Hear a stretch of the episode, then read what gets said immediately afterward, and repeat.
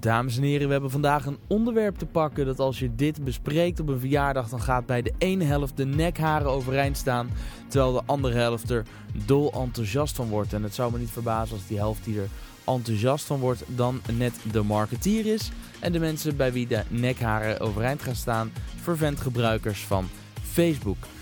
Uh, we praten in deze aflevering over het verschil tussen AdWords en Facebook advertenties. Maar vooral, hoe haal je nou meer ROI uit Facebook? En wat kan er allemaal qua adverteren op Facebook? Nou, er kan echt heel erg veel. En de manieren om te adverteren en je doelgroep te specificeren, die gaan ver. Heel ver. Maar het werkt wel.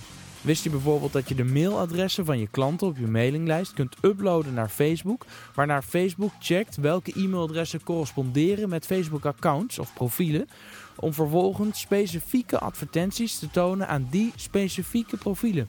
Nou, ik wist het nog niet. En ik dacht echt dat ik al wel veel wist over Facebook, maar no freaking way. En ik ben dan ook erg benieuwd wat jij vindt van de mogelijkheden en of je ervaring hebt hiermee. Laat het even weten op @jelledrijver op Twitter of @frankwatching. En als je dan toch online bent, abonneer je dan ook even op deze Frankwatching podcast via iTunes, Stitcher Radio of TuneIn. Voor meer informatie ga je naar frankwatching.com slash podcast. En laat ook even een review achter. Dat vind ik echt super leuk om te lezen. Dus dank ook aan alle mensen die dat inmiddels al gedaan hebben. Ik noem er even een paar willekeurig. Dutch Referee bijvoorbeeld. A. Bushman. M. Van Rijssen. Sheep Will Prevail. Hier is Lisa. Menno Dijks en alle andere echt top. En dan nu over tot de orde van de dag. Want dit is alweer de Frank Watching Podcast aflevering 13. Mijn gast van vandaag, Jesper Stoel, online marketeer met een grote passie voor de strategische inzet van social media. En de uitdaging zit hem dan vooral in het creëren van intern draagvlak, het optimaal benutten van de synergie tussen social media en de verschillende online marketingdisciplines. En op dit moment is hij werkzaam bij Daily Dialogues, een Rotterdams bureau gespecialiseerd in social media operations en online marketing. Jesper, goedemiddag. Goedemiddag. Fijn dat je wil meewerken aan deze Frankwatching podcast, waarin jij en ik in gesprek gaan over het artikel dat je hebt geschreven, adverteren op Facebook, zo haal je meer ROI uit je campagnes. Nou, graag gedaan. Eh, ja. Uh, hartelijk dank voor de uitnodiging. Ja, graag gedaan. Eh, ik vond het uh, oprecht een interessant artikel, waarin je echt ingaat, diep ingaat ook op de mogelijkheden van Facebook als advertentieplatform, als marketingkanaal. En ik denk dat het een artikel is dat bij heel veel mensen toch echt nog de ogen opent als het gaat over de mogelijkheden van Facebook als, uh, als marketingkanaal. Want je kan er echt heel veel mee, hè? Ja, dat klopt. Uh, je kan er heel veel mee. Um, en als je kijkt eigenlijk ook naar de blogs die er uh, de laatste jaren eigenlijk altijd voorbij komen. Um, ja, dan miste ik eigenlijk toch vaak die, die, praktische vertaalslag. Um, ja, en die hebben we geprobeerd te maken in dit blog. Want de mogelijkheden zijn inderdaad eindeloos. Het is, er komen eigenlijk bijna iedere dag nog wel nieuwe features bij. Um, dus ja, wij dachten uh, op deze manier onze kennis, onze visie te delen en uh, zo ook andere praktische handvatten te bieden. Ja, dat is te gek. Want uh, kijk, heel veel mensen kennen wel AdWords van Google als advertentieplatform. Facebook heeft ook een advertentieplatform waarbij je ook kunt targeten, net als bij AdWords. maar wat zijn nou de verschillen? Waarin onderscheidt Facebook zich ten opzichte van AdWords bij Google? Um, nou ja, AdWords is natuurlijk, uh, het bestaat veel langer. Uh, het is gewoon al, algemeen geaccepteerd uh, binnen het vakgebied. Heeft zijn kracht en zijn waarde ook bewezen. Um, ik denk dat het verschil vooral zit in de intentie van gebruik. dus, dus Google AdWords dat wordt anders gebruikt dan wanneer mensen Facebook gebruiken. Wat is dan het verschil? Um, nou, de intentie met, met, met de zoekmachine Google mensen zijn vaak op zoek naar een artikel. Die zitten veel verder in die, uh, in die aankoopcyclus. En uh, bij Facebook, ja, je bent eigenlijk social media aan het gebruiken. Je bent aan het Facebook, je bent aan het twitteren. En die advertenties zijn eigenlijk een, een, een, een bijkomstigheid. Um, Sla je daarmee niet meteen de spijker op zijn kop dat je zegt, ja, waarom zou je daar dan willen adverteren als het een bijkomstigheid is, terwijl mensen op Google echt zoeken met een aankoopintentie? Is dat niet veel relevanter? Um, ja, en daar zit denk ik ook uh, direct de uitdaging in. Uh, het klopt hè, dat je dus zegt, uh, Google, dan ben je dus veel relevanter. Um, maar ja, je moet wel weten wat voor bijdrage social media advertising kan hebben in heel jouw online customer journey.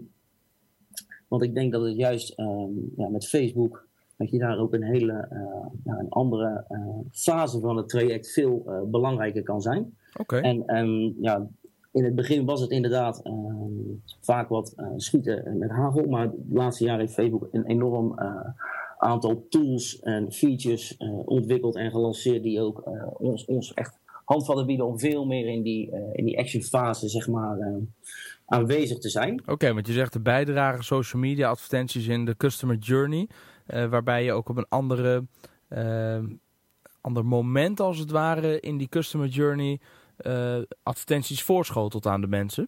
Ehm, ja. Kun je aangeven in, in welke, nou, in welk punt van de, van de customer journey mensen die Facebook advertenties zien en wanneer die Facebook advertenties relevant worden?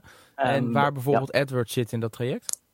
Nou, wij zijn, eh, we, merken bij een, tal van onze klanten, of uh, ik heb hiervoor ook bij Roompot Vakanties gewerkt, dat we echt vooral in die oriëntatiefase heel erg um, ja, relevant kunnen zijn en um, daar echt een significante bijdrage kunnen leveren aan, het hele, aan de hele online marketing strategie, zeg maar, aan het hele online marketingplan voor bepaalde nou, trajecten als het ware. Dus dat is denk ik wel een, een, een hele mooie, relevante toegevoegde waarde voor als het gaat hier om Facebook advertising. Oké, dus je zet Facebook advertising dan juist in, uh, in de oriëntatiefase. En als ze na het oriënteren besluiten om een aankoop te doen, zeg jij dan wordt Google AdWords interessanter? Uh, zeker interessanter, uh, als je het echt op korte termijn conversies gaat. Um, maar ja, het is een beetje, ja, het is echt een volop in ontwikkeling zijnde marketing, online marketing discipline. En um, ja, voor, soms worden gebruikers uh, of klanten van een bepaald merk vanuit niets uh, geconfronteerd met uh, relevante advertenties op Facebook. Um, ja, dus ze moeten er af en toe ook nog een beetje ja, warm voor lopen, als het ware. ze moeten er ook aan wennen. En ja, we zien wel steeds, je, blijft leren van je doelgroep.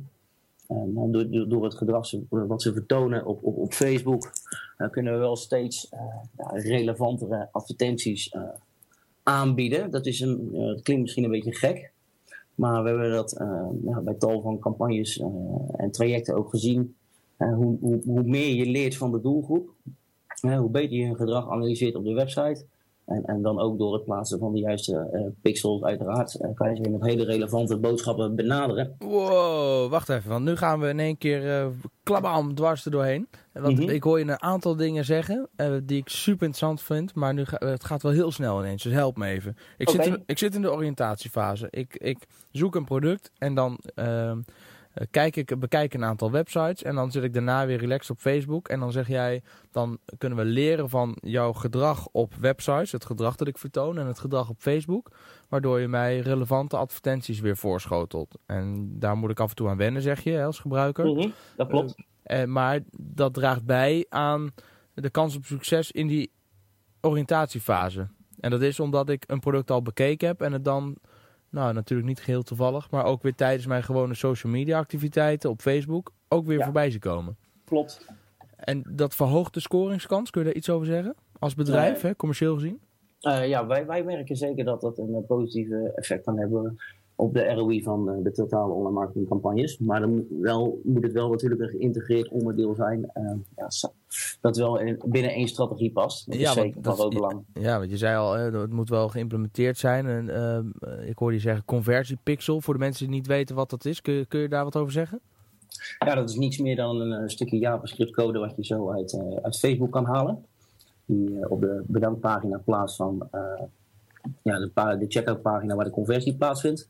En ja, dat doet eigenlijk niks anders dan tegen Facebook vertellen van uh, heeft hij een advertentie uh, gezien of heeft hij op een advertentie geklikt van Facebook en is hij daarna tot converteren overgegaan. Ja, precies. Want wat die, wat die tracking pixel doet, die zet je op je bedankpagina. Dus ik heb een bestelling geplaatst of ik heb een, een contactformulier ingevuld. Dan kom ik op een pagina bedankt voor je aankoop. We, we zullen het zo spoedig mogelijk afhandelen, ik noem maar wat. En mhm. op die pagina, daar wordt dan een stukje code ingeladen, waardoor Facebook weet dat ik die bedankpagina bezocht heb. Ja, en omdat Facebook dan weet dat ik die bedankpagina bezocht heb, kun jij een aantal dingen aflezen. En wel, wat, voor een, wat geeft dat jou voor inzicht als ik die bedankpagina heb bezocht? Nou, dan weet ik, uh, dan kan ik exact uh, zien welke advertentie met welke tekst uh, voor de conversie gezorgd heeft. Ja. Dus welk plaatje, welke titel. dus daarin leer je dus ook heel veel van hey, hoe moet ik mijn doelgroep aanspreken? welke afbeeldingen kan ik het beste gebruiken? Ehm, dus dat bedoel ik eigenlijk ook echt met, met leren van ehm, het, het, gedrag van ehm, je bezoekers. Ja. Dus dat geeft mij echt tot in detail, echt op campagne of op advertentieniveau in mijn uh, Facebook-campagne inzicht. In, in, welke mensen converteren op welke advertentie. En nou, omdat het nog een vrij nieuw platform is, ben je dus ook best wel veel aan het testen. Je bent continu aan het testen.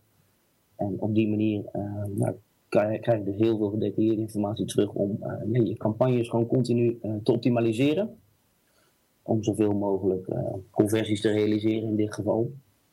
Ja, want die, die tracking pixel die je installeert op die bedankpagina, die zorgt ervoor dat jij kunt achterhalen op welke advertentie ik op een gegeven moment geklikt heb. Ja. Om vervolgens tot een aankoop over te gaan. Dus je weet exact welke advertenties wel werken en welke minder goed werken.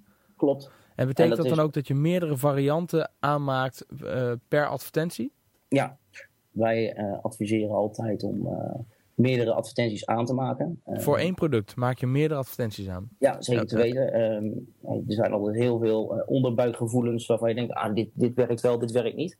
Um, maar ja, je kan niks op onderbuikgevoel, in ons geval aan een klant uitleggen. Dus je moet het ondersteunen met data, met cijfers. Ja. En dat is uh, heel belangrijk. Iedereen zijn werken visuals met uh, mensen die je aankijken of naar beneden kijken of een product okay. in de hand hebben, bla bla bla. Um, dat soort dingen. Herken je uh, daarin al patronen? Als we even kijken, want je hebt inderdaad, hè, je hebt een, volgens mij een titel en je hebt een omschrijving en dan kun je er nog een afbeelding bij doen. En, ja, en daar test je met verschillende variaties op al die vlakken. ja, het is eigenlijk het, het, wat ik het meest grappige vind, het trucje wat bij de ene klant werkt, uh, hoeft voor de andere klant echt totaal niet te werken. Dus het is eigenlijk iedere keer weer een nieuwe ontdekkingsreis als je uh, ja, met een bepaalde campagne of, um, ja, of, of, of, nieuwe klant uh, zo'n traject ingaat.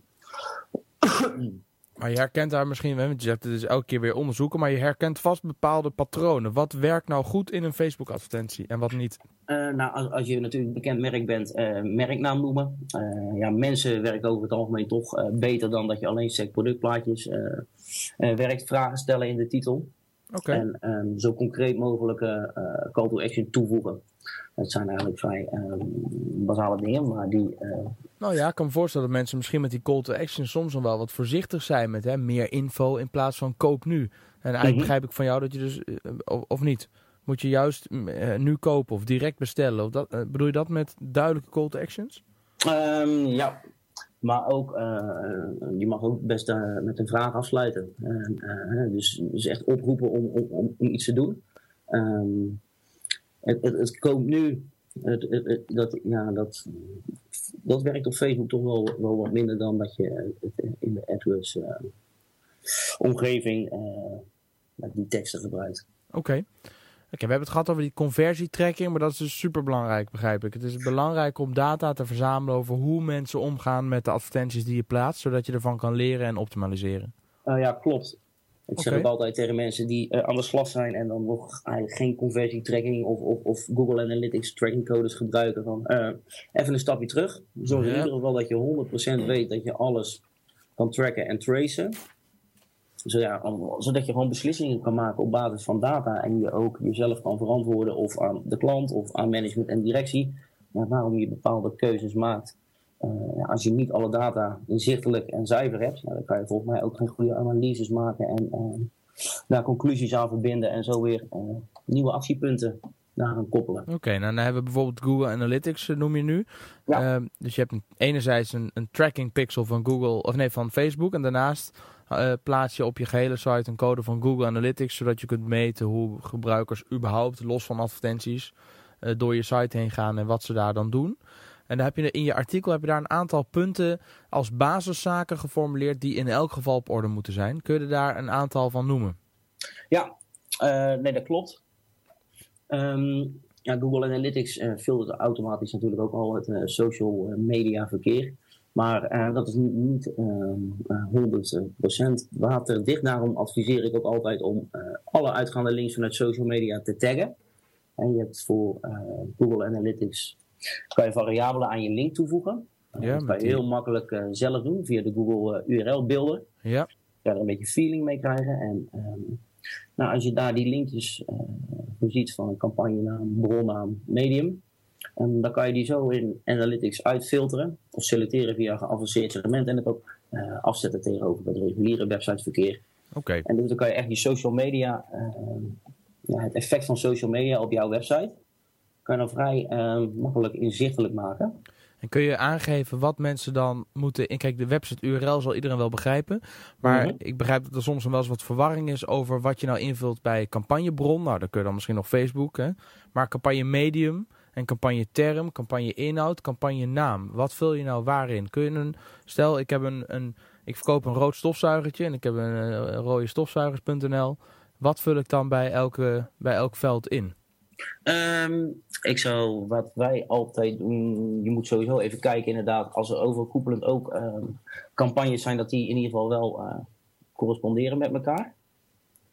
Dat is in ieder geval uh, belangrijk, hè, als er vanuit andere uh, online marketingkanalen ook bepaalde campagnes voeren, dat die in ieder geval wel corresponderen. Dus dat is altijd eerste waar ik naar kijk. Ja, en dan voer, ik dan bij campagne term bijvoorbeeld, voer ik dat dan in? Of voer ik dat bij campagne naam? Dus bij uh, ik zou hem bij uh, campagnenaam. Oké, okay, daar zet ik bijvoorbeeld in. Ja, daar zet ja. ik dan bijvoorbeeld stofzuigers. We zijn op dit moment ja. stofzuigers aan het promoten op verschillende kanalen. En dan mm -hmm. zeg ik stofzuigers. En dan bij campagne medium in dit voorbeeld zou je dan zeggen Facebook. Um, dat kan, maar wij pakken hem. Um, ik pak medium eigenlijk altijd meer social media. Oké. Okay. En um, dan gebruik ik bij de, de source code gebruik ik daar Facebook. Ah, Oké, okay. bij campagne Polron doe je Facebook, bij campagne Medium doe je social media, campagne naam, stofzuigers. Ja, en dan kan je okay. eventueel, als je dan echt nog wilt testen wat het gedrag uh, is per advertentie, zou je ook nog uh, die andere analytics variabelen toe kunnen voegen. Ja, campagne term en campagne inhoud. Ja. ja uh, afbeelding A, afbeelding B, dat soort zaken. Ja. Oké, okay. interessant. Dus die, die Google URL-beelder is voor jou heel belangrijk. Want wat doet dat dan? Jij maakt een URL aan via die beelder. Die zet je op de site achter een uh, advertentie. Ik klik op die advertentie en dan? Wat levert dat jou aan informatie op in Google Analytics? Uh, in Google Analytics kan ik dus uh, dan eigenlijk tot op het, de pagina nauwkeurig zien wat voor gedrag degene die op mijn advertentie klikt vertoont. Dus is die waar in het aankoopsproces haakt hij af of wat voor pad neemt hij en converteert hij dan alsnog. Um, dus zo kunnen we eigenlijk dat gedrag van de websitebezoekers via social media volledig inzichtelijk maken. Ja, met welk pad neemt hij bedoel je? Welke, welke volgorde gaat hij door verschillende ja, pagina's op je site heen? Klopt.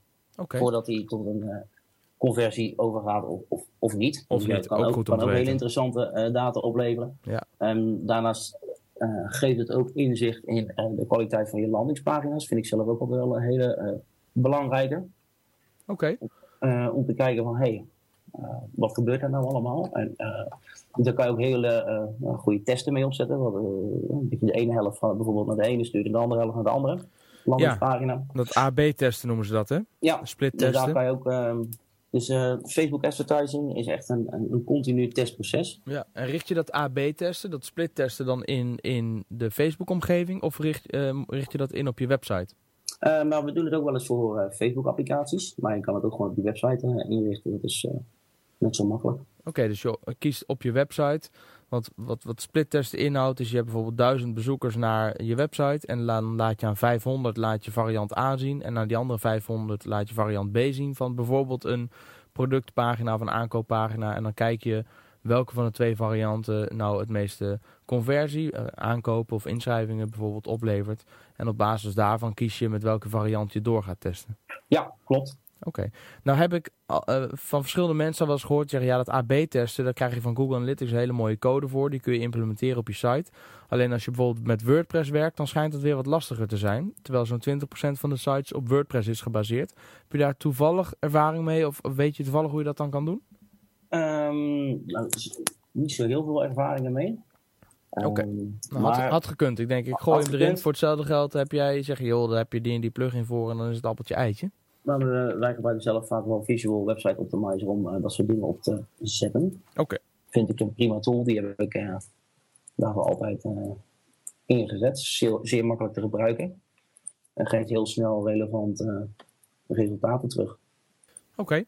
dan heb je nog een paar punten voor Google Analytics. Want het is een lang artikel, dus even de belangrijkste punten die je daartussen hebt staan. Je geeft onder andere aan, zorg dat je een geavanceerd social media en Facebook segment aanmaakt in Google Analytics. Dat is gewoon een kwestie van segments en dan nieuwe. Ja, uh, gewoon een uh, create segment inderdaad. En dan, dan moet je dus ook zorgen dat je inderdaad, wij hebben dan bij die campagne uh, medium social staan. Nou, dan filter je gewoon al het verkeer met medium social, filter je uit. En dan kan je in één keer al het social media verkeer eruit filteren. Oké, en daar maak je dan ook een, een social analytics dashboard voor? Ja, wij hebben bijvoorbeeld voor onze klant, al onze klanten hebben we uh, een eigen social analytics dashboard gemaakt. Dan kijken we helemaal welke data vinden zij relevant. Um, en hoe kunnen wij dan in één keer, in één overzicht, uh, nou, de impact van onze activiteiten eigenlijk uh, voor hun duidelijk maken en visualiseren. Zodat zij zelf ook weer voeding hebben om, om, om, antwoord te geven op, op vragen die ze intern krijgen. Want vaak dan krijgen mensen de vraag van hè, wat levert mij die inzet van social media dan, dan daadwerkelijk op? En, en dan blijft het vaak stil. Dus daar biedt dit echt wel een, uh, ja, een prima handvat voor. Oké, nou stel nou dat ik op Facebook wil beginnen met een campagne, met een uh, advertentiecampagne. Dan heb je hier ook iets staan over de campagnestructuur. Kun je daar iets over uh, vertellen? Hoe, zie, hoe bouw je zo'n campagne op op Facebook? Um, nou, er is in de laatste tijd eigenlijk best wel wat, wat veranderd binnen die campagnestructuur van Facebook. Vroeger was het zo, dan had je alleen een campagne en daaronder gingen meteen je advertenties. Ja. Um, dus ja, als je dan verschillende doelgroepen aan wou uh, spreken of aan wilde spreken, uh, moest je eigenlijk uh, een heleboel verschillende campagnes maken. dus ja, dat was voor het overzicht was dat niet, niet, echt, niet echt lekker. Dus dat was echt een, een, een warboel aan, aan, campagnes en advertenties. Um, maar met die nieuwe campagnestructuur hebben ze nu eigenlijk net zoals als AdWords, zit, hebben ze er een laag tussen gezet. Dus je hebt een overkoepelende campagne met verschillende advertentiesets waarbinnen je dan weer verschillende advertenties uh, aan kunt maken. Oké, kun, je het, kun het praktisch maken voor me? Als we nou bijvoorbeeld, hè, ik heb een webshop voor stofzuigers, hè, dat is niet zo, maar fictief. Hoe zou, ik dan, hoe zou die structuur er nou uitzien? Dan is de campagne is dan stofzuigers? Of? Ja, je hebt dan inderdaad, een campagne kan je dan uh, zo indelen, stofzuigers. En dan heb je inderdaad uh, blauwe stofzuigers tot de verschillende types, zeg maar. Ja, en dat zijn de verschillende advertentiesets? Ja, ja. En dus dan heb je... Binnen die advertentiesets kan je dus die verschillende producten categoriseren. Um, en, iedere, en, en, en, daar kan je ook je targeting dan op baseren. Dus die zet je ook op advertentieset niveau. Ja. Dus daar uh, zet je je doelgroep in. En dan kan je uh, binnen je advertentieset kan je, verschillende productadvertenties maken. Okay. Waar, waarbij je dus weer verschillende titels tegen elkaar test of verschillende afbeeldingen tegen elkaar afzet. Oké, helder. En dan wil je die advertenties bij de juiste mensen onder de aandacht brengen. En dan komen we op het volgende punt en dan staat targeting op Facebook. De targetingmogelijkheden binnen Facebook zijn ontzettend groot. Doe hier dan ook je voordeel mee. Wat kun je targeten allemaal op Facebook? Um, ja, dat is een, een hele waslijst aan, um, aan eigenlijk vrijwel alles.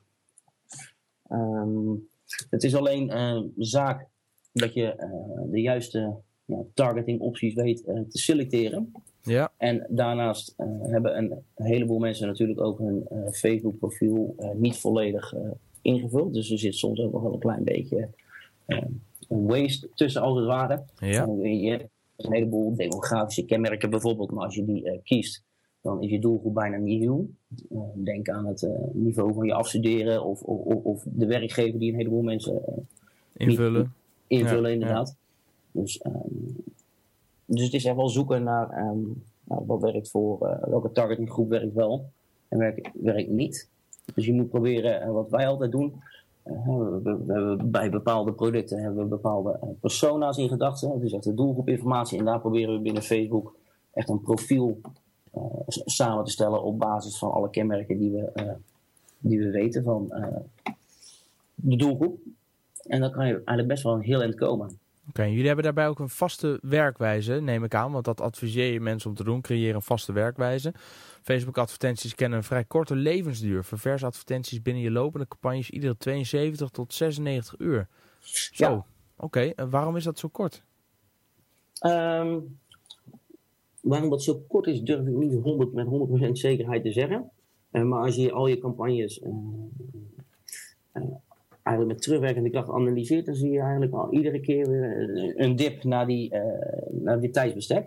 En als jij die um, advertenties aanmaakt, dan worden ze als eerste aangeboden binnen het Facebook advertentieplatform. Het algoritme gaat dan de, de mensen die advertenties aanbieden waarvan zij denken, die, het eerst geneigd om te klikken of uh, ligt eraan welke doelstelling jij je campagne geeft om te klikken of om, om te converteren of om te reageren. En ehm, ja, die mensen, als die uh, na die periode bereikt zijn, dan, uh, dan zakt die eigenlijk wat weg. Omdat dan denk ik de meeste eh, mensen die niet nou, die kwam ik eventjes niet zo heel goed uit. Ja, je bedoelt de, de, mensen die dan vatbaar zijn voor die advertentie, die klikken in die eerste paar dagen er wel op. En daarna, als ze dan in die eerste paar dagen niet klikken, zullen ze dat waarschijnlijk daarna ook niet doen. Is dat wat je zegt? En, Ja, en dan zak je eigenlijk wat weg. Ja. En als je je dan weer opnieuw aanbiedt, dan, uh, dan word je weer opnieuw aangeboden in de algoritme begint dat proces weer, weer van vooraf aan. Oké. Ehm, dus dat is eigenlijk wel wat, als je ook uh, terugkijkt in de campagnes, dan zien we ook iedere keer daar een piek tussen die 72 96. En uh, daarna zakt hij weer wat in. Oké. En daarbij zeg je ook zorg voor consistentie in de accountstructuur en de campagneopbouw. Zo hebben we het net even over gehad. Mhm. Zet advertenties uit die niet voor bereik zorgen. Dus hè, zorg dat je daar niet geld aan blijft besteden. Mhm. En advertenties met een veel hogere CPM dan de rest kun je uitzetten. En waarom, waarom dat dan? Want je zou zeggen, met een hogere CPM, maar goed, als je mensen bereikt, dan bereik je ze. Ja, dan zou eigenlijk met een hogere kost voor CPM hadden moeten staan. Ehm, ja, Facebook die ehm, hanteert, uh, wij zetten de meeste, uh, die hebben verschillende biedingsstijlen. Ja. Ehm, en als wij, wij kiezen of voor CPC, CPM uh, of OCPM. En als je wij kiezen vaak voor OCPM. En wat is dat, OC, OCPM? Dan optimaliseert Facebook automatisch die advertentie, als het ware, die bot. Okay. Ja. Um, maar ja, dan heb je wel verschillende uh, CPM-tarieven krijg je teruggekoppeld in je, in je interface van je ad manager. En, en sommige zijn veel hoger dan, uh, dan andere. Nou ja, als dan de prestaties uh, identiek zijn, dan zetten we gewoon die advertenties met de meest hoge CPM zetten we uit. Zodat je, ja, precies, logisch. je eigenlijk gewoon je budget optimaal inzet. Ja, Oké, en CPM staat voor cost per mail, dus per duizend ja, vertoningen. duizend vertoningen inderdaad. Oké, dus je, maar en wanneer kies je voor cost per mail, dus per vertoningen, en wanneer voor cost per klik? Want dat kan geloof ik ook bij Facebook, hè? Ja, uh, nou, wij testen dat eigenlijk altijd, uh, ja, eigenlijk bij iedere uh, campagne. Wat grotere campagnes dan, anders dan kies ik vaak voor OCPM. Ja. Um, maar um, ik heb eigenlijk nog niet echt een vaste antwoord bedacht op van wanneer zet ik CPC in of... Um, ook daarvoor geldt niet afgaan op je onderbuikgevoel, gewoon testen en wat het beste werkt, daar ga je mee aan de slag. Ja. Oké. Okay. En dan uh, zeg je ook nog gebruik maximaal 6 tot 8 verschillende variaties per advertentieset. Klopt. Waarom, waarom zou je zes verschillende variaties uh, maken of waarom is 6 het maximum? Um, nou, meestal um, de budgetten worden gewoon evenredig uh, dan verdeeld per advertentie. Ja. Uh, ja vaak zijn uh, ja, de budgetten zo dat je bij, deze, bij dit aantal eigenlijk ja, het meeste data teruggekoppeld krijgt. Als je, je kan er ook 40 maken. Ja. Maar dan moet je ze alle 40 analyseren. analyseren. dit werkt eigenlijk het, het makkelijkst. Je kan heel makkelijk een aantal aanzetten, uitzetten en daarna weer doortesten op degene die uh, het beste werken. Dus dan hou je het voor jezelf ook uh, overzichtelijk, makkelijk. Ja. En uh, bied je weer voldoende mogelijkheden om daarna weer te optimaliseren. Oké, okay, maar je zegt ook bij het testen op advertentieniveau of advertentiesetniveau zeg je eigenlijk. Denk dan aan de volgende mogelijkheden. Bepaal de invalshoek van je campagne. Ja. Oké. Okay. Test, ja, wat, wat, hoe moet ik dat zien? Um, nou, bijvoorbeeld... Um, je kan verschillende invalshoeken kiezen. Heb je een, een, een actie waarbij mensen mee kunnen doen. Um, ga je dan echt op het win-element zitten, win-element zitten, of uh, kies je juist ervoor om het concept van de actie uit te lichten en, dat je, uh, uh, en werkt dat beter? Oké, okay, dus eigenlijk is het wat, wat, op voorhand al bedenken wat wil ik ermee bereiken, zoals ja. ja eigenlijk met elke marketingcampagne. Klopt, en dan kijken wel, ja, wat werkt dan het beste. Ja, oké. Okay. Test met plaatsing mobiel, desktop, newsfeed, sidebar, mobiele apps. Uh, begrijp ik daaruit dat je kunt kiezen of je advertenties wilt tonen op een mobiel of, of op een desktop alleen? Of allebei? Ja, okay. ja Facebook, Facebook is heel ver met uh, eigenlijk de mobile um, mobile advertising. Ehm, Facebook zelf wordt ook ontzettend veel gebruikt op mobiele devices. Het wordt alleen ja. meer. Ehm, ja. Dus ja, het is, voor sommige campagnes kan het helemaal niet interessant zijn om deze op desktop of te plaatsen. Dus dan kan je alleen op mobile targeten. Maar bij sommige campagnes werkt dit juist weer wel. En we vinden het dus heel interessant om te testen ehm, als ik iets alleen mobiel adverteer of alleen op desktop in de newsfeed. Of misschien alleen maar aan de rechterkant. Ehm, ja, wat doet het dan voor mijn campagne? Ja, en ik hoor je zeggen newsfeed. Dus dat zijn de berichten waar ik, uh, dat is de plek waar ik berichten van mijn oma, van vrienden, van kennissen voorbij zie komen. Ja, klopt. En ook daar zeg jij, kan ik gewoon adverteren. Dan, uh, kom klopt. Ja, dan, dan sta je tussen de berichten. Vinden mensen dat niet onwijs irritant? Uh, dat kan. Maar het werkt wel. Het werkt, uh, het werkt wel. Ja, wat, wat, wat, dat is inderdaad ook een van de ja, meest gehoorde tussen haakjes klachten die we dan teruggekoppeld krijgen. Of, of van, gewoon van vrienden en kennissen die ja. weten wat voor werk ik doe. Of, of van klanten die het ook spannend vinden. Ja. ja. daar heeft Facebook wel op ingespeeld. Je kan nu ook selecteren dat je maximaal één advertentie per dag per persoon wil tonen. Dus dan um, ja, hou je daar in ieder geval wel rekening mee en probeer je daar in ieder geval wel op in te spelen. Nou, om te voorkomen dat mensen jou als brand irritant gaan vinden. Dat, wil je uh, natuurlijk, ja, dat is het laatste wat je wil. Dat is sowieso wel iets uh, wat je in de gaten moet houden. Inderdaad, de frequentie van vertoningen van de advertenties. Oké. Die, die kunnen soms best wel uh, snel omhoog schieten bij kleine doelgroepen. En dan, ja, dan is de irritatiefactor wel een stuk hoger. Oké. Wat is ad scheduling? Ja, het inplannen van, van advertenties lijkt me. Maar hoe, hoe doe je dat dan? Of hoe zet je dat in op Facebook? Um, plannen van advertenties, dat kan uh, via de Power Editor. Wat is, niet... wat is de Power Editor? Dat heb ik nog nooit is, gehoord. Uh, ja, advertentie. Uh, niet, als het, niet de ad manager zelf van Facebook, maar ja, die ken ik. Die, die ja. is, dat is eigenlijk een tool die Facebook ontwikkeld heeft waarbinnen je advertenties heel makkelijk kan maken, dupliceren, aanpassen. Oké. Okay. Duidelijk je campagnes in kan. Uh, kan iedereen dat gewoon downloaden of zich daarvoor aanmelden? Of uh, krijg je dat pas als je een bepaald budget uh, besteedt? Nee, dat kan iedereen gewoon gebruiken. Als je in je um, business account zit, ja. dan heb je, als het goed is, aan de linkerkant een linkje zitten um, waarin je naar de Power Editor kan. Oké. Okay. En als je daarop klikt, dan, dan kom je binnen die omgeving. En dan ehm, heb je eigenlijk wel iets meer opties dan binnen het advertentieplatform van Facebook zelf. Ja. Dus ik zou eigenlijk iedereen adviseren die uh, meer doet dan alleen één keer per week een simpel advertentietje aanmaken om uh, ja, Power Editor eigen te maken en, en gewoon uh, die advertenties vanaf daar te managen. En dan hadden we het, we kwamen op ad scheduling en dat is dus iets wat je kunt doen in die Power Editor. Ja, en hoe, hoe zet je dat dan in? Hoe benut je dat? Is weer belangrijk om te kijken van wanneer jouw doelgroep online is of actief is. Dat kan dus mede met Google Analytics of via de insights van Facebook. En um, je kan dus gaan testen wanneer kan ik dus het beste mijn advertenties inzetten. Um, als jij weet dat je doelgroep alleen s'avonds actief is of vooral s'avonds converteert, nou, is het dan wel slim om s morgens vroeg je advertenties te laten runnen. Um, is dat een verspilling van budget of is het juist een, heel slim om juist morgens ze in te zetten? Want dan gaan ze s'avonds nog meer aankopen doen. Dus dat, is een beetje de afweging en daar kan je mee testen. Um, je kan dat op advertentie-set niveau heel makkelijk uh, aangeven.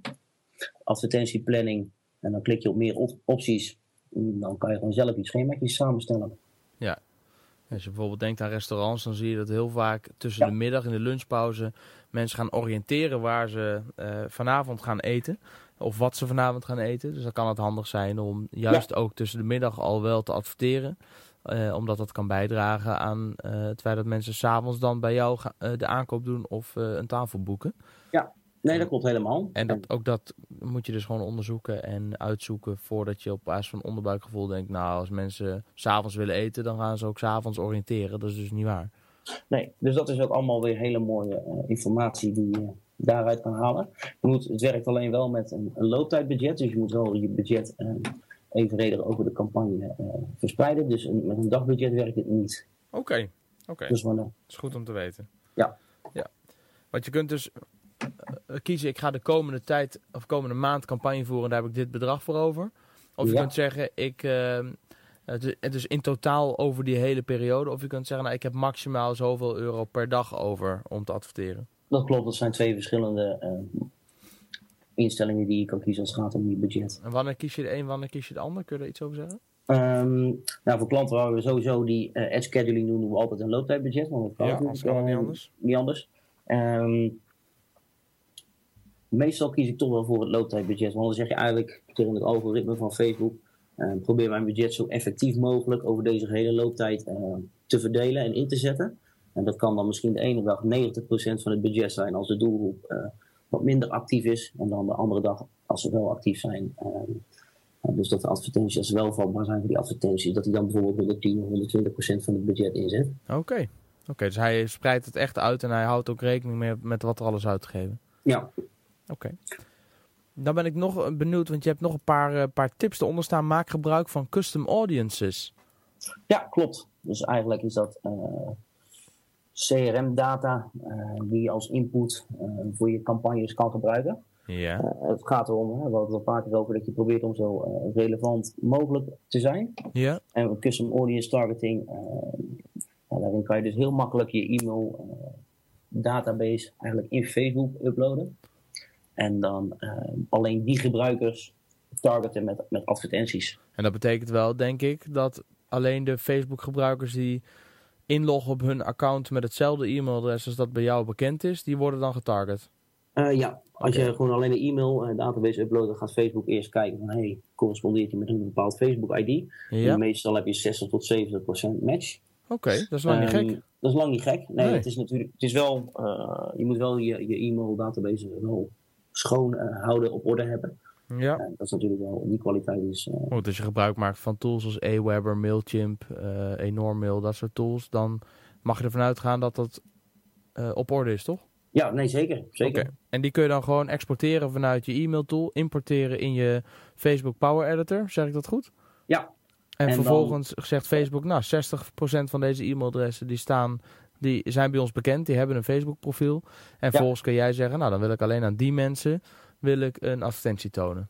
Klopt, Zo. klopt. Je kan dus ook bepaalde selecties maken binnen jouw CRM-systeem of binnen jouw e-mail-database. Als je weet, eh, nou, die eh, koopt iedere keer die rode stofzuiger en die is nu eh, in de aanbieding. Dan eh, ga je al die rode stofzuigerkopers, eh, mensen die die rode stofzuiger kopen, eh, die kan je zo selecteren. Ja, of de filters en de zakken. Hè? Die hebben een rode stofzuiger van ons. En eh, die moeten af en toe ook zakken kopen. En de aanbieding, die zakken zijn de aanbieding en die gaan we tonen aan de eigenaren van een rode stofzuiger. Bijvoorbeeld, Zo, dat gaat Dus wel ver, hè? Vind je niet? het gaat heel ver. Klopt. Maar goed, het werkt wel, om het nog maar, om het te zeggen. Het werkt heel goed. Ehm, Dat goed zeg. Ja, en, en, en je moet eh, ja, proberen eh, na te streven in ieder geval om alles zo relevant mogelijk te zijn. Ehm, dus jezelf wel echt uitdagen om eh, op de hoogte te zijn van alle nieuwe ontwikkelingen. Eh, eigenlijk streven naar een één op één ervaring voor de klant. Een geperso- gepersonaliseerde marketingstrategie noem ik het altijd. eh. maar dus dat moet eigenlijk het streven zijn, vind ik, van iedere online marketeer. Zo, zo, zo relevant mogelijk zijn. Ja. Ehm, de ontwikkelingen gaan heel erg hard. Dus eigenlijk iedere dag wel weer, weer wat nieuws onder de zon binnen ons dynamische vakgebied. Ehm, dus ja, je moet jezelf daarin ook echt, echt eh, uitdagen om, om, om daar Continu door te leren. Ja. Continu door te leren. Ehm, Oké. Je zegt ook gebruik bestaande social media data. Hè? Ma- Mail hebben we net gehad, maar ook Mhm. bestaande social media data. data. En dan zeg je achter first party data als input voor online marketing social media campagnes. Op deze manier kun je je online ambassadeurs inzetten als vliegwiel wiel voor onder andere nieuwe campagnes. Maar wat, wat versta je onder die first party data? Eigenlijk, nou, dat zijn eigenlijk gewoon de persoonlijke gegevens. Ehm, dus ehm, als wij voor bepaalde klanten die mee hebben gedaan aan eh, bepaalde Facebook-acties, Ja. weten we eh, precies wie dat zijn. ja. En nou, die benaderen bijvoorbeeld net een weekje eerder of net wat eerder dan de rest. En dan proberen we die dus echt van aan te geven van hey, je hebt meegedaan aan onze acties of je hebt dit en dit gekocht. Nu hebben we een nieuwe campagne en daar willen we jou graag bij betrekken. Ehm, dus dat die eigenlijk gewoon eh, als ambassadeur eh, al gaan spreken of het verhaal vertellen wat wij willen communiceren. Dus op die manier nog eh, laten zien dat ze echt van toegevoegde waarde zijn. En dan, dan zie je toch dat die al een stukje bereik voor ons kunnen realiseren voordat we zelf vol van start gaan. En die mensen die voelen zich gewaardeerd. Ehm, dus dat is altijd een, eh, ja, wel een hele goede tip eigenlijk die ik daar voor mee wil geven. Oké, en als derde tip heb je nog daaronder bij custom audiences. Denk nou over social login mogelijkheden op je site. Bijvoorbeeld bij het aanmelden van je nieuwsbrief. Hiermee kun je ontzettend veel interessante first party data vergaren. En dit weer toevoegen aan je huidige klantdata. Ja, dus je kan, ja zeg maar. Als, als iemand toestemming geeft zeg maar, om, om, om via social media zich aan te melden voor de nieuwsbrief. Ja, dan kan je van allerlei dingen uit het uit het profiel uitlezen. Van zijn interesses tot de films die hij gekeken heeft. ja, noem het allemaal maar op. Dus dat kan wel hele interessante uh, informatie zijn om nog om, om, weer toe te voegen eigenlijk aan jouw uh, bestaande CRM-systeem. Ik denk dat heel veel mensen zich totaal niet realiseren dat op die alleen maar denken dat is handig. Ik druk op een knop, ik ben ingelogd, ik hoef niet meer een account aan te maken. Maar dat ze zich echt totaal niet realiseren wat voor informatie ze daarmee allemaal uh, afstaan aan de eigenaar van die website en aan Facebook. Klopt, uh, ze moeten zich alleen wel, uh, ze, ze geven zelf toestemming natuurlijk, dus je vraagt er wel toestemming voor. Dus dat is wel altijd een, een ding. Ehm, ja, ze geven er zelf toestemming voor inderdaad, de mogelijkheden zijn er. En ja, het biedt voor ons als online marketeers eigenlijk wel de mogelijkheid om zo relevant mogelijk te zijn. Um, dus wij kunnen die, data weer gebruiken om ja, de reclameboodschappen zo, zo goed mogelijk in te zetten. En, dus ja, wij maken gebruik van die mogelijkheden. En inderdaad, heel veel mensen vinden het vervelend, irritant. Ja, wij doen uh, het is ons. Je doet er je voordeel mee. Ja, als marketeer is het natuurlijk briljant dat dat kan. Uh, ja, dus ja, ik begrijp het ook wel hoor. Ik begrijp heel goed zelfs dat bedrijven hier hun voordeel mee doen. Maar kan, anderzijds kan ik me ook echt voorstellen dat heel veel particulieren, heel veel gebruikers daar echt niet bij stilstaan dat het zo werkt. Nee, dat klopt. En dat hoor ik ook wel, wel eens terug. Ja. En dan is het voor ons de uitdaging om, om inderdaad zo relevant mogelijke boodschap um, op het juiste moment te tonen aan de juiste persoon. Ja, dat vind ik wel weer de keerzijde ook. Dat het relevante advertenties zijn. Ik heb liever dat ik een advertentie zie van een product waar ik uh, uh, naar alle waarschijnlijkheid door dat hele slimme algoritmes dat bedenken of snappen uh, in geïnteresseerd ben. Dan dat ik een advertentie voorbij zie komen van uh, Maandverband of uh, Tena Lady, ik noem maar even wat. Ja, dat is een heel extreem voorbeeld, maar dat is inderdaad... Maar dat is wel, wel hoe het gaat. Anderzijds heb ik ook wel eens de fout gemaakt om voor mijn vriendin heel lief een jurkje te willen kopen. Waardoor ik op zoek ging naar jurkjes op Zalando. Ja. Waardoor ik daarna echt twee weken lang op alle websites waar ik maar kwam, op Google, Facebook, overal zag ik uh, jurkjes van Zalando voorbij komen. Ja. Um, nee, dat is inderdaad het meest extreme voorbeeld. En het meest vervelende is ook nog als je hem gekocht hebt. Dat je dan ook nog bestookt wordt met, uh, bestookt, bestookt blijft worden met, met advertenties, dat soort, uh, ja, dat soort dingen. Die maar kun je dat ook targeten via Facebook? Dat iemand die juist niet, die wel geklikt heeft op een advertentie, of misschien zelfs niet eens via Facebook naar mijn website gaat, maar iemand komt op mijn website, bekijkt daar een product, en gaat niet over tot de aankoop. Dus komt niet op die bedankpagina, waardoor die conversiepixel niet getriggerd wordt. Kun je die persoon ook uh, targeten om diegene alsnog enthousiast te maken voor dat product? Um, als je, je kan bij Facebook kan je wel mensen uitsluiten. Uh, dat zou je denk ik kunnen doen door uh, op deze manier in dit specifieke geval nou, door een bezoeker van die website en alleen naar die website en die juist niet verder is gegaan die laat je in een, in, in, een, in een custom audience uh, groep uh, vallen, als het ware. Ja, en die laten we dan juist dat product zien wat diegene nog niet gekocht heeft. Dus jij kan mij een product laten zien wat ik wel heb bekeken, maar wat ik uiteindelijk niet heb aangeschaft. Klopt, maar je kan ook de mensen die het wel gekocht hebben, hem niet meer laten zien. Dus je kan inderdaad op die manier doelgroepen uitsluiten. Oké, okay, en is dat dan wat je noemt Facebook retargeting? ja, en die retargeting, dat werkt eigenlijk ook met een stukje uh, nou, JavaScript code die je op de pagina plaatst. En die, uh, kan je dus, en die worden eigenlijk in een custom audience groep uh, geladen, dus dat zijn websitebezoekers. Ja. En die kan je ook een ad, bepaalde advertenties voorschotelen, maar je kan dus ook bepaalde advertenties juist niet voorschotelen, dus dat je ze uitsluit.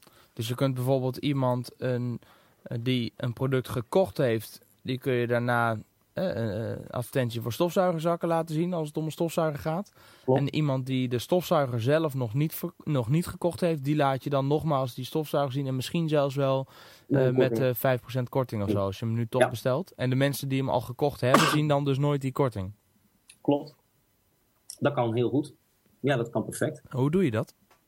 Ehm, nou, dat doe je dus eh, via die custom audience targeting en retargeting. Ja, en zie ik ook echt wie er, de, echt, eh, zie ik ID's of zie ik personen die eh, aan dat, in, in die custom audience ehm, terechtkomen? Nee, je ziet nooit personen. Je ziet Oké. daar nooit personen in terugkomen. Oké, Dat, dus ik zie alleen hoeveel mensen daarin zitten. Ja. Maar niet wie het zijn. Nee. Dat weet Facebook, maar dat krijg ik als adverteerder niet te zien. ja, Facebook zegt zelf dat ze het niet weten. Dat, ze, Ja, mm. eh, Ja, dat weten ze natuurlijk wel. ja precies. Ja. Oké, ja, oké. Nou, ik had een, stukje technische documentatie nog gekregen van eh, hoe dat dan eh, precies zit. Maar daar zijn ze zelf, dat is ook maar een heel kort, eh, Ja, hele goed. korte nieuwsbrief inderdaad. Ze zullen werken met van, ID's en ze zullen ja. zeggen wij zien een ID en, en, en weten niet per se wie... Maar goed, als ze willen kunnen ze dat natuurlijk uitzoeken. Maar het gaat er denk ik om dat ze eh, weten wie het zijn, zodat ze daar de advertenties aan kunnen tonen. En, en eh, een, ID is dan genoeg. Ja, Ja. klopt. Oké. Ehm, maar sorry, want ik onderbrak je. Dat retargeting, dat heeft een stukje JavaScript nodig op je site. En men- bezoekers worden dan dus aan, de juiste, eh, aan het juiste segment toege- toegevoegd. Is het nou moeilijk om die code op je website te implementeren? Of is het echt, helpt Facebook je daarbij of zo? Ehm, ja, daar helpen ze heel goed bij. Dat is echt een druk op de knop. Ehm, je geeft je retargeting eh, groep een naam. Eh, je draait de pixel eh, uit, stuur je naar je webbouwer en die moet hem plaatsen. Er zit een documentatie bij waar je moet plaatsen. Kan niet missen. Kan niet missen. Iedere, iedere eh, website-ontwikkelaar die, die kan dat. Oké. En is voor deze techniek dan ook dat Facebook Exchange, FBX, nodig? Nee, voor deze techniek niet. Dit kan je dus helemaal zelf doen. En wat is dat dan, FBX? Ehm, dat is eigenlijk het, het, het veilingplatform van, eh, van Facebook zelf. Ehm, dat gebruiken wij eigenlijk ehm, niet zo heel erg veel eh, voor, eh, voor onze klanten. We proberen het eigenlijk zelf altijd zo goed mogelijk zelf in te richten. Ze automatiseren dan het, het, publiceren van de advertenties of zo. Je levert een productfeed bij hun in. En Ja. op basis daarvan gaan zij met die productfeed re- advertenties regelen. Dat klopt. Productfeed kan je dus niet in die website eh, in, in custom audience targeting eh, inladen. Dat moet echt via eh, FB Exchange. Je kan het ook via retargeting platformen doen, maar die bieden dan de advertenties wel gewoon via FBX aan. Oké.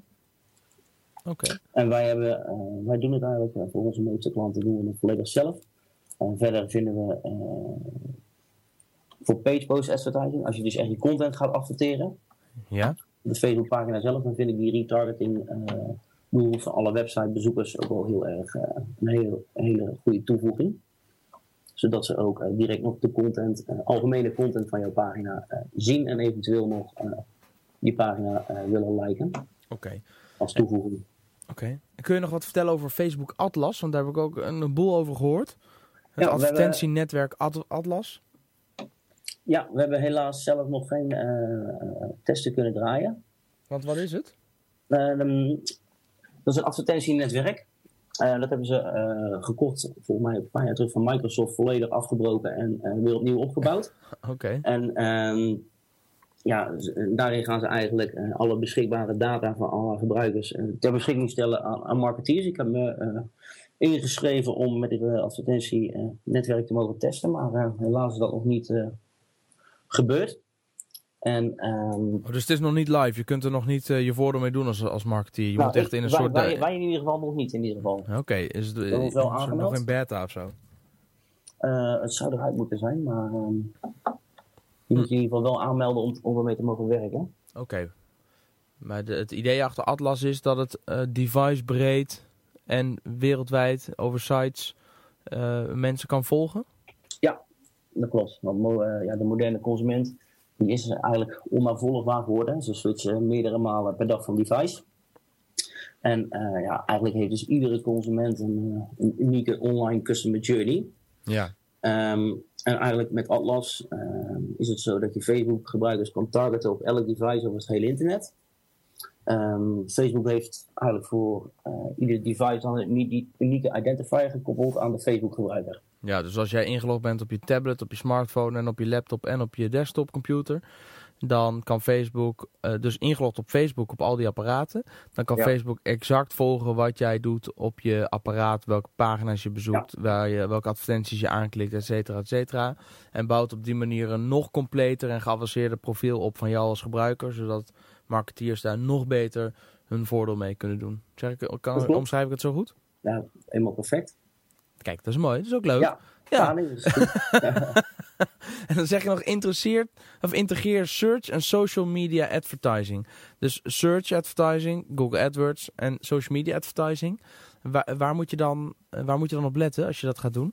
Want dat klinkt heel ehm, makkelijk, maar... Het klinkt heel makkelijk. Nou ja, je moet, uh, ook dit is weer een, een testen, testen, testen. Ja. Ehm, maar wij, uh, het is natuurlijk super interessant om te kijken van, hey, uh, kan ik relevant uh, verkeer vanuit mijn social media campagnes of vanuit mijn Facebook advertentiecampagnes sturen, dus eigenlijk een heel breed publiek, naar bepaalde landingspagina's waar je dan weer een remarketing pixel van AdWords plaatst. Oh. De remarketing tag en die weer gaat retargeten via hele gerichte display of, of, of, of Google AdWords campagnes. Ah, oké, wat dus slim. Dat dus dat is een, een, een mogelijkheid. Wat slim. Dus je plaatst een advertentie op Facebook, een bezoeker klikt erop, komt op een uh, specifieke losse landingspagina waar je alleen vanuit die Facebook advertentie op kunt komen. Mhm. En daar staat dan weer een remarketing tag op, zodat als iemand daar niet overgaat tot een conversie, die op Google AdWords, dus een compleet ander advertentieplatform, ook weer hele relevante productspecifieke advertenties onder ogen krijgt. Ja, klopt. Want op Facebook heeft hij aangegeven dat hij dus bepaalde interesses heeft. Dus ja, dus ja, je kan eigenlijk wel een klein beetje uh, 1 en 1 en 1 is 2 uh, optellen. Ja, die, die moet interesse hebben in jou, of die kan interesse in jouw product. Is nu dan misschien wel in een latere fase. Uh, dus ja, dat, dat biedt wel hele interessante uh, mogelijkheden om, om, om, om, om zo die samenwerking tussen die twee online marketing disciplines uh, ja, te, versterken, te verstevigen. Okay. En het kan vice versa natuurlijk ook. Hè? Mensen die via branded woorden binnenkomen via AdWords of, of gewoon uh, organische wijze, uh, dat je die weer retarget uh, met een, een goede advertentie, dus om fan te worden van jouw pagina. Zodat je weer werkt aan een kwalitatieve fanbase op Facebook. Slim zeg. En je zegt search, search traffic, dus mensen die gewoon zoeken op Google en niet converteren, retargeten met gerichte ads op Facebook of Twitter. Ja. Dus ik zoek, ik zoek weer die stofzuiger en ik, ga, ik koop niet en dan zie ik hem daarna op Twitter en Facebook voorbij komen. En dan komt in één keer Twitter om de hoek. Want ook Twitter is eh, sinds, nou, volgens mij niet al te lange tijd, ook actief geworden in Nederland uh, met Twitter-ads. Ja, dat klopt. Werkt dat? Um, met wisselend succes. Oké. Okay. is er al een pijl op te trekken wanneer het succesvol is en, en wanneer niet, waar het aan ligt? Nou, wij zetten het uh, ja, conversiegericht um, nog niet echt campagnematig zeg ik ja. Oké, dus voor de exposure wel, maar eh, eh, nog niet om uh, aankopen te doen. Klopt. En daarnaast is dit advertentieplatform nog weer een x aantal uh, jaren achter op Facebook. Dus het is ook een volop in ontwikkeling zijnde ja, tool als het ware. Um, dus ja, het is er nog een beetje zoeken. Van wat werkt, het, wat werkt wel, wat werkt niet. Maar we hebben nu al wel gemerkt dat voor de echte daadwerkelijke conversie uh, ja, is, is het lastig. Um, maar in combinatie uh, met campagnes en dan vooral uh, tv, waar mensen heel veel Twitter als second screen gebruiken als het ware. Ja. Daarvoor kan het wel ja, heel interessant zijn. Oké, dus als mensen boer zoekt vrouw zitten te kijken, dan kun je aan iedereen die hashtag BZV volgt of zo, die kun je dan een advertentie voorschoten, zoiets? Ja, Nice. Klopt. Interessant. En ook mensen die uh, interacteren. Uh, op mensen die het zitten te kijken. Je hebt ook een heleboel mensen die alleen maar consumeren. Dus niet actief twitteren. Maar wel juist alles volgen van het programma. Ja. Nou, daar hebben ze dus ook een algoritme voor ontwikkeld. Dat je die mensen ook uh, kan targeten. Dus de mogelijkheden zijn eindeloos. En als straks Atlas helemaal uitgerold is en beschikbaar is voor iedereen, dan zal dat nog meer mogelijkheden gaan bieden voor adverteerders. Je hebt onderaan je artikel op Frankwatching aangegeven dat je in een volgend blogartikel daar dieper op in zal gaan. Dus ik ga je ook nu al vragen of je ook daarna wellicht nog een keer met mij in gesprek wil gaan als je wat meer ervaringen hebt met het gebruiken van Atlas om ook daar uh, de luisteraars over te kunnen informeren. Uh, Jesper, ik heb nog drie vragen voor je die ik altijd stel aan iedereen in deze podcast. En de eerste is, wat is nou een van jouw favoriete managementboeken of marketingboeken en waarom juist dat boek? Ehm, nou, ik ben niet zo'n echte boekenlezer. Maar als ik dan toch een boek zou aan moeten bevelen, dan is dat het boek van eh, Chef Kerkhoffs en Robert Gagadin. Dat is ook bij onze directie. Dat is social media marketing van strategie naar operatie. En ehm, waarom? Omdat we toch merken hè, dat, dat, dat, dat heel veel bedrijven nog steeds moeite hebben met het vertalen van de strategie die ze op papier hebben gezet. En dan toch eh, nou, die praktische vertaalslag te maken van hoe implementeer je dat binnen de organisatie. En daar biedt dit boek hele concrete handvatten voor. En heb je ook een favoriete quote of een succesquote? En waarom vind je juist die quote dan zo mooi? Ja, dat, ehm, we hebben een, ehm, een klant van ons, Kenneth Smit. Ja. Die zit in de eh verkooptrainingen, communicatietrainingen, eh, business improvement. En ehm, die hebben een eh, magazine, Becoming Great heet dat. En daar las ik een keer een artikel met daarin, eh, een artikel met daarin de quote. Misschien ben ik ook wel een beetje visionair. Die vond ik wel heel goed. waarom? En eh, nou ja, het ging eigenlijk meer om eh, vroeger een krimpende markt, vraag het om anderen denken. Ja, en eh, een ondernemer, ik weet niet meer wie het was, maar die had een heleboel eh, ja, goede keuzes gemaakt door eh, in te spelen op, op nieuwe ontwikkelingen. En eh, ja, ik, ik moet zeggen, dat het helpt mij wel om eh, iedere keer weer mezelf uit te dagen, eh, nieuwe ontwikkelingen te volgen, en mezelf steeds naar een hoger niveau te tillen.